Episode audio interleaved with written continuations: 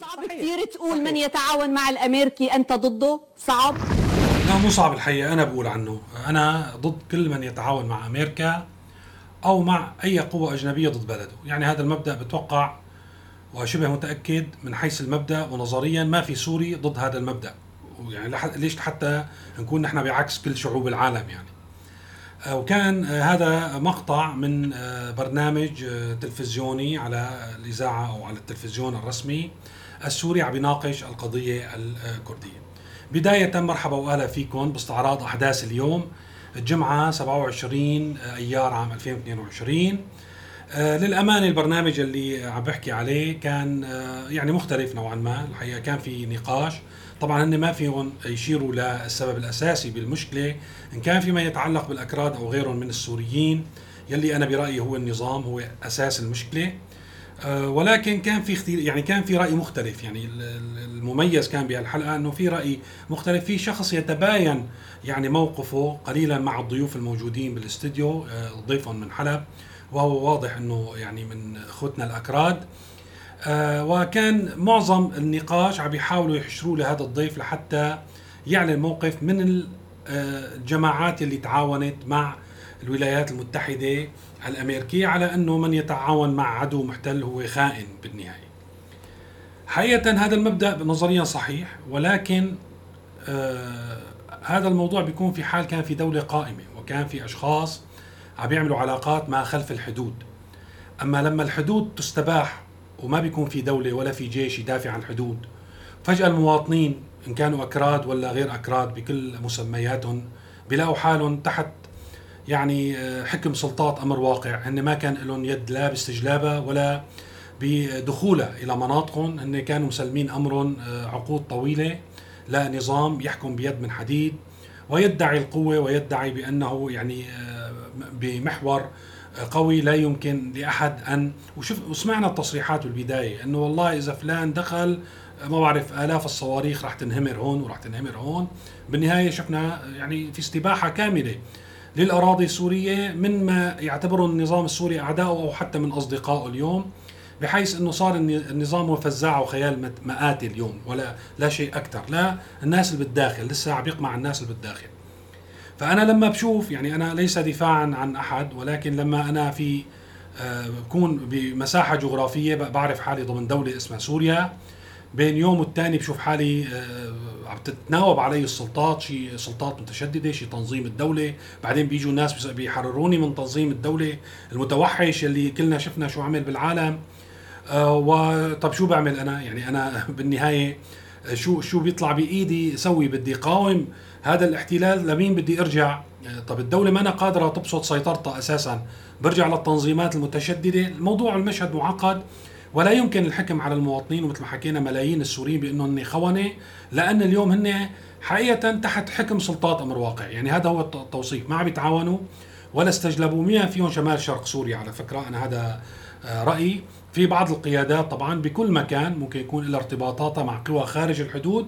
ولكن أنا لا أدين أي مواطن سوري اليوم في هذه الأرض لأن يلي آه، بيضمن لازم الدولة تضمن أمان الوطن أمان أمن الحدود تبسط سيطرتها. وقتها إذا في شخص قرر يتعامل مع دولة أجنبية ضد بلده أنا وقتها بدينه. حتى لو كان في مثلا نحن ما عندنا مشكلة داخلية وفي آه، غزو خارجي على بلدنا من أي جهة جهة كانت كمان كلياتنا بنوقف ضد هذا الغزو. بتوقع إنه هذا الشيء صار يعني بشكل أو بآخر. آه، بتخيل كان معظم السوريين آه، بعد الشيء اللي صار بعد اغتيال الحريري معظمهم كانوا مع موقف الدولة خلينا نقول الرسمي بشكل أو بآخر واصطفينا ضد كل القوى اللبنانية. عم نحكي معظم السوريين وأنا متأكد يعني كنت الاعلام السوري وبعرف تماما ردود الأفعال آه، لأن اعتبرنا إنه هذا عدو خارجي يعني مدعوم من قوى خارجية. أما مثل ما حكينا بحلقة باليومين بيكون نكتشف إنه العدو داخلي إنه بنكتشف إنه أساسا يعني نحن لازم ندافع عن دولتنا. طب تكتشف إنه أنت ما عندك دولة شو بتعمل؟ يعني ما في دولة. كان في زمرة مسيطرة على المقدرات والثروات ومستولية على الحكم والهدف الأساسي حماية نفسها. أول خطر حقيقي نحن نتعرض له آه، بسوريا كشعب. هذه الزمرة تختار أن تدافع عن نفسها وتنسحب يعني من آه، من واجباتها تأدية واجباتها. آه، تتخلى عن حماية الأراضي والشعب والسكان. ويعني تنحسر لكي تدافع عن بقعة صغيرة جدا جالسة هي عليها يعني السلطة الحاكمة والمنتفعين من من خلالها والباقي كله معروض للبيع. يعني من أرض من شجر من شعوب من آه، تغيير ديموغرافي. وعلى سيرة التغيير الديموغرافي يلي آه، أخوتنا الأكراد أو معظمهم بيحكوا فيه بعفرين وغيره وهن محقين طبعا بهذا الموضوع. نحن ما مع إنه أي شعب يتغير مكان سكنه لمكان آخر خدمة لأي مشروع خارجي. ولكن هو المشروع أو التغيير يعني وهذا كله ضمن إطار الحلقة. يلي هي بشكل أو بآخر حدث اليوم الحشد التركي بخلينا يعني يكون هذا اللي عم نحكيه بصلب الحدث اليوم. آه، إذا بدنا نقول إنه كان في مخطط تركي للتغيير الديموغرافي وإنه هن بده يستبدلوا آه، الغالبية الموجودة إذا كانت من قومية آه، تركية بقومية عربية. على سبيل المثال كان هذا المخطط التركي. مين اللي دفع ملايين العرب من من من الجنوب باتجاه الشمال؟ هل تركيا هي التي دفعت هؤلاء أم النظام؟ يعني إذا كان في هذا المخطط فالنظام شريك بشكل أو بآخر لأن تغيير ديموغرافي يحتاج طرفين. يحتاج إنه في أنت بدك تفرغ بدك تحط محله الناس بدك تهيئ الظروف. تهيئة الظروف ودفع المجاميع البشرية بالملايين. باتجاه الشمال يعني باتجاه اللاجئين اليوم عايشين بإدلب ومناطق الشمال أو اللاجئين في تركيا. مين اللي هجروا من بيوتهم؟ مين اللي دمر بيوتهم فوق راسهم؟ وليش عمل هيك؟ كمان هي الفكرة مهمة. فإذا هذا التغيير الديموغرافي إن كان هو مصلحة تركيا ففي تنسيق كامل وفي مسؤولية كاملة. الأتراك هن عم يشتغلوا لمصلحة بلدهم هن أحرار. هن أكيد في فيما يتعلق بهذا الملف عدو لنا ويعني عم بيقوموا بعمل عدائي أو اعتداء علينا. هذا الموضوع ما في آه، خلاف. أنا بحكي من وجهة نظر الأتراك. ولكن ما الذي جعل هذا المخطط ممكن؟ يعني وهذا الشيء اللي ما بيحسنوا بيحكوه بهالبرنامج. بلفوا بيدوروا بلفوا بيدوروا الأمريكان أعداء الأتراك أعداء. ولكن العدو الأساسي موجود عندنا هو الذي قتل وهجر ودفع بهذه المجاميع البشرية باتجاه الشمال. لحتى كان تركيا في إمكانية لحتى تحطهم في هذا الشريط الحدودي وتنفذ مشروعها من وجهة نظرها اللي بيخدم أمنها القومي أو بيخدم أي مخططات أو خطة هي تراها في مصلحتها ومصلحة شعبها. فالحقيقة إنه آه، ما ممكن نحن كدولة يعني وهذا الموضوع دائما عم نشوفه قاعدين قاعدين لافين إجر على إجر وعم نلوم فلان وعم نلوم علتان حتى إذا بتلاحظوا وهن بيفتخروا بهالموضوع. مين عم يقاوم اليوم بين قوسين الاحتلال الأمريكي في آه، شمال شرق سوريا؟ الأولاد. وهن بيطالعوه على التلفزيون. ما في دولة. هن تخلوا عن مسؤولياتهم بشكل كامل. ولو بيستحوا على وشهم ما بيطالعوا على فكرة هالمقاطع. بنشوف دورية أمريكية جاية عم تتجول بأراضي سورية. وهالأولاد نازلين بحاجة فيها ويكون معهم كم واحد كبير. والجنود السوريين على الحاجز قاعدين عم يتفرجوا يعني آه، تخيلوا أنتم البجاحة. وآخر شيء بنيجي بنلوم هدول الناس مهما كان جنسيتهم أو عرقهم. هون بدي أحكي عن قوات سوريا الديمقراطية. أيضا يعني إذا بدنا ناخذها ك... ك يعني عدد عدد بشري فيها كثير من العرب ومن الاعراق الأخرى و آه لكن المشكلة في قياداتها وأيضا نحن ما فينا نلوم الناس على ما يتكلم به القيادات وعلى مشروع من هم وراء قوات سوريا الديمقراطية. ما عم بحكي عن أفرادها والمناطق اللي واقعة تحت سيطرتها. هن عندهم مشروع واضح أصبح هذا المشروع مرتبط بقوى أجنبية خارج حدودنا. هلأ هن خطابهم بيقول لك نحن ما لنا انفصال. مزبوط. والبعث ما كان يقول إنه نحن بدنا ندمر سوريا. والبعث كان يقول سوريا لكل السوريين. والبعث كان يقول نحن وقت نحكي نجيب قصة الأكراد يقول الأكراد موجودين في كل المناصب. وقول سعرهم بسعر السوريين. ولكن هذا التطبيق على الأرض الواقع ما كان موجود. يعني حزب البعث هو هذا نهجه. بيحكي شيء لليوم إذا بتقعد تسمع على هلال هلال أو بشار الأسد أو كذا يا سلام. يعني شوي الثانية بتقول يا ليل يا عين شو هالحكي الحلو؟ شو هالجمال؟ شو هالمساواة؟ يعني ب يعني بين المواطنين وأحقاق الحق والعدالة بين الناس. ولكن بالممارسة شيء آخر نفس الشيء اليوم مع الأسف بعض آه، خلينا نقول القيادات مرة ثانية أي كيان أي دويلة أي دولة أي مجموعة بشرية بيهبط عليها آه، رئيس بيحكمها بفعل السلاح أو بفعل الدعم الخارجي ما بنعرف نحن براس هذا الشخص شو فيه وما بنعرف شو المشروع اللي عم يخدم لا يمكن. وهي الديمقراطية اللي بتيجي من تحت الرئيس ما بتنفع وجربناها عنا. يعني إحنا من تحت الرئيس بشار الأسد في عنا الديمقراطية. هيك بيقولوا لك البعثيين وقت ناقشهم يعني. فلذلك نحن آه، ما بنعتقد إنه ما تقوم به قوات سوريا الديمقراطية تمثل الأكراد أنا من ناحيتي. ويلي آه، منهم طبعا في ناس مثل ما في أيضا عرب مقتنعين بمشروع البعث والوطن العربي. بتمنى يستفيدوا من التجربة العربية ونعرف إنه هذا الموضوع عبارة عن تضليل. أصلا اليوم ما ضل في عنا بي بي بي بي بالعالم الحديث دولة تبنى على أسس قومية أو طائفية. الدولة دولة مدنية تضم كل الأعراق وكل الطوائف وكلهم سواسية تحت سقف القانون. فنحن خلينا نتمسك بجغرافيتنا بسوريا الحالية لأن على ما يبدو راح نخسرها وراح كل واحد ياخذ شقفة وتشهد هذه الشقفة صراعات أيضا. يعني بكرة إذا أنا بدي آخذ بعين الاعتبار وهذا آخر شيء راح أحكي بهذا الموضوع. إذا نجحوا بين قوسين الأكراد الطامحين ليبنوا دويلة أو دولة خاصة راح بكرة يصير في صراع بيناتهم. ويتشقفوا 100 شقفة مثل ما العرب تشقفوا 100 شقفة ما راح يوصلوا لأي نتيجة. هون بدي اركز على الموقف السوري، يعني كان غريب الموقف الرسمي السوري. استنوا لحتى أعلن أردوغان يمكن المرة العاشرة هي مو أول مرة بيعلن.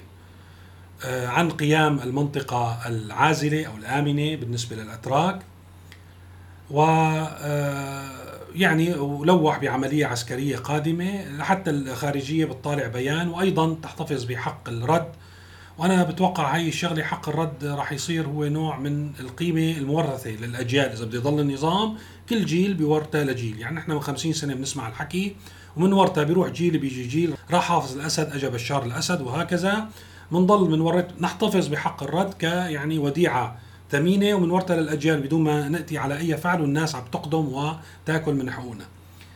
ولكن الحقيقة إنه لحتى نعرف إنه النظام هو شريك بشكل أو بآخر. يا عن غشمنة آه، يعني وبساطة وعدم كفاءة إذا احسننا النية أو شريك هو حقيقة بهذا المخطط. يعني إنه تصوروا معقولة يعني نظام وهذا الموضوع مو أول مرة بحكيه. كل ما جرى في في الشمال العمليات التركية الأربعة اليوم أنا كنت فاكرهم ثلاثة مثل ما حكيت بالتسجيل طلعوا أربع عمليات ضفنا لهم آه، درع الربيع بالإضافة لغصن الزيتون ودرع الفرات ونبع السلام يلي قضموا مساحات واسعة صارت تحت سيطرة الأتراك. ما كان عندهم علم بالموضوع آه، آلاف المنازل السكنية المستوطنات اللي بنيت آلاف أو عشرات آلاف السوريين اللي تم إعادتهم. من آه، تركيا إلى تلك المناطق هن مو موطن أو بلداتهم الأصلية. ما كان يعرف ولا نوه ولا نبه ولا قام بأي إجراء بس وقت الرئيس التركي أردوغان قال بدي أعمل عملية وبدي أعمل منطقة آه، آمنة استنكروا واحتفظوا بحق الرد. يعني هذا آه، تماما بيشبه الشرطة بأفلام الأكشن. يلي بتيجي آخر شيء وبيكون يعني هي عبارة موقفها تكملة يعني تكملة عدد لا بيقدم ولا بيأخر أو تكملة في السيناريو لا بيقدم ولا بيأخر لأن في شرطة موجودة فلازم تيجي آخر الفيلم وهيك النظام السوري بيجي بآخر الفيلم بعد ما يكون آه، كل شيء صار وهذا بدلل إنه هو بشكل أو بآخر إما عاجز غير قادر إنه ياخذ أي إجراء لأن هو بده سلته بلا عنب ويحتفظ بالحكم لآخر يوم ممكن أو هو متواطئ وشريك في الجريمة اللي تحصل اليوم في سوريا. على سيرة المشروع الحقيقة مثل ما حكينا إنه ما بالضرورة التهديد أو الإعلان إنه عن نية القيام بعملية أنه تصير بكرة. ووقتها إذا بتتذكروا حكينا أنه آه، الإعلان عن آه، اجتماع جديد آه، لأستنا محور أستنا بنور سلطان بكازاخستان 14 الشهر الجاي بيوحي بأنه الأمور رح تضل معلقة حتى موعد الاجتماع وعادة بيتم التنفيذ بعد الاجتماع. ما بنعرف إذا هالمرة بدها يتم كسر القاعدة ولكن في عملية تحشيد من قبل القوات التركية في عمليات قصف أنا فيني أقول عليها اعتيادية ما أنا يعني يعني أكثر من المعتاد أو هي لافتة بحيث تكون ضخمة نحكي إنه هي تطور لافت في آه في العملية بالمناطق اللي حكينا عليها بعين عيسى وتلتمر هالمفاصل الاساسيه الشيء اللي ممكن نزيد عليه إنه في نقل قوات إن كان من قبل الولايات المتحدة الأمريكية في مواقع أخلتها في الشمال رجعت رجعت قواتها علي بالأيام الماضية. وفي أيضا القوات الروسية أيضا نقلت بعض قواتها إلى مساعين عيسى. في المناطق المتوقع يصير فيها إعادة توزع للقوى، هلا هاد ما بالضرورة هو لا يمنع تركيا من القيام بعملية. لأن اليوم في تجاذب سياسي يعني بين تركيا وأمريكا والأطراف الغربية وخاصة يعني موجوده بحلف الناتو. ولكن قد يكون للسيطرة على الأوضاع أو لكي تدخل هذه القوى بشراكة مع القوى التركية في حال تم دفع قوات سوريا الديمقراطية إلى خلف هذه النقاط. يعني هذا الموضوع مو بالدلالة لأن في بعض المحللين أو بعض المتابعين قالوا أنه هذا لا يمنع أو القوات الأمريكية مثلا تقدمت لتمنع القوات التركية من تحقيق أهدافها أو القوات الروسية ولكن آه، ممكن وهذا الشيء شدناه قبل هالمرة ممكن يكون تحرك هالقوات آه، لأن أكيد يعني ما راح يكون في مجابهة بين تركيا وروسيا، تركيا وأمريكا، أنا بأكد هذا الشيء مجابهة عسكرية إلا في إطار الحوادث غير المقصوده إذا صارت. ولكن عادة وقت يصير في تغيير في يعني توزيع القوى وتوزيع السيطرة بتتحرك. يعني وهذا أنا بالعكس أنا بشوفه دليل إضافي إنه في شيء قادم إنه بترجع بتتموضع القوات لحتى آه، تتنفذ اتفاقيات الشراكة الموجودة في بيناتها على قسمة المناطق يلي يتم إخلاءها من سلطات أمر الواقع الموجودة فيها. إذا بدنا نروح آه، للشرق آه، إيران مثل ما حكينا أيضا عم نتابع يعني نحن بهذا الكلام عم تتوسع أكثر. اللافت عم يعني عم يتبعوا آه، سياسة غريبة يعني سياسة الحقيقة لافتة إنه هن بكل بلدة من البوكمال لدير الزور عم يفضوا منطقة ويسووها مربع أمني. يعني شلون المربع الأمني ببغداد بسموها منطقة خضراء بمعنى بيكون الحراسة الأمنية عليها مشددة. هي عم بتضم قيادات الميليشيات الإيرانية والحرس الثوري الإيراني في كل من البلدات. يعني آخر بلدة كان آه، اسمها بقرص الفوقاني هي على الطريق بين يعني البوكمال والميادين على ما أعتقد بالطريق إلى دير الزور. أيضا تم تفريغ منطقة وطرد سكان من منازلهم وفرض منطقة آمنة في تلك المنطقة فاذا هي سياسة يعني إيرانية صارت واضحة جديرة بالذكر لحتى يكون عندكم فكرة عن الموضوع. بدي أحكي شوي عن لبنان وخاصة في الشق الحقيقة اللافت. كان طبعا نحن توقعنا إنه الأمور تكون معقدة ويكون في نوع من التوتر وممكن آه، تتطور لحتى تصير مواجهات. ولهلأ هذا السيناريو ما يعني ما في مفاجأة من بعد الانتخابات.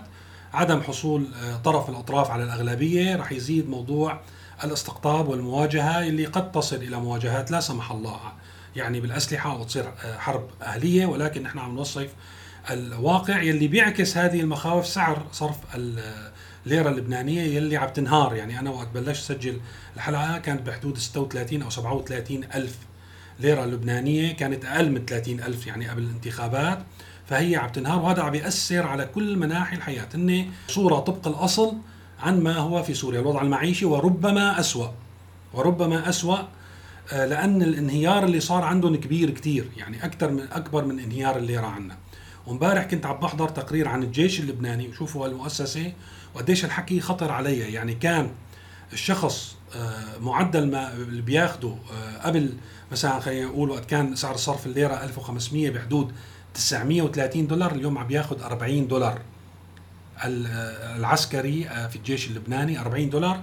من 930 دولار ما عم بتكفيه ثمن مواصلات. وعم يشهد الجيش حالات فرار يعني متصاعدة. وهذا بينبئ بانهيار هذه المؤسسة وتنهار هذه المؤسسة أو أي مؤسسة تابعة للدولة. مين يلي بيستفيد ومين يلي بيفوش وبيظهر يعني المؤسسات الموازية اللي كلها مع الأسف تابعة لإيران ولا حزب الله. وبالتالي الوضع في لبنان آه، ما في مفاجآت ولكن يسير باتجاه الانهيار يعني بسرعة أكبر من ما أنا توقعت الحقيقة ويعني الله يستر. بيضل عندنا موضوعين متابعة بس بدي أحكي فيهم موضوع جوازات السفر. مثل ما شفنا كيف رفعوا الرسوم على جواز سميناه أمس الحاجة. كان مستعجل صار أمس الحاجة.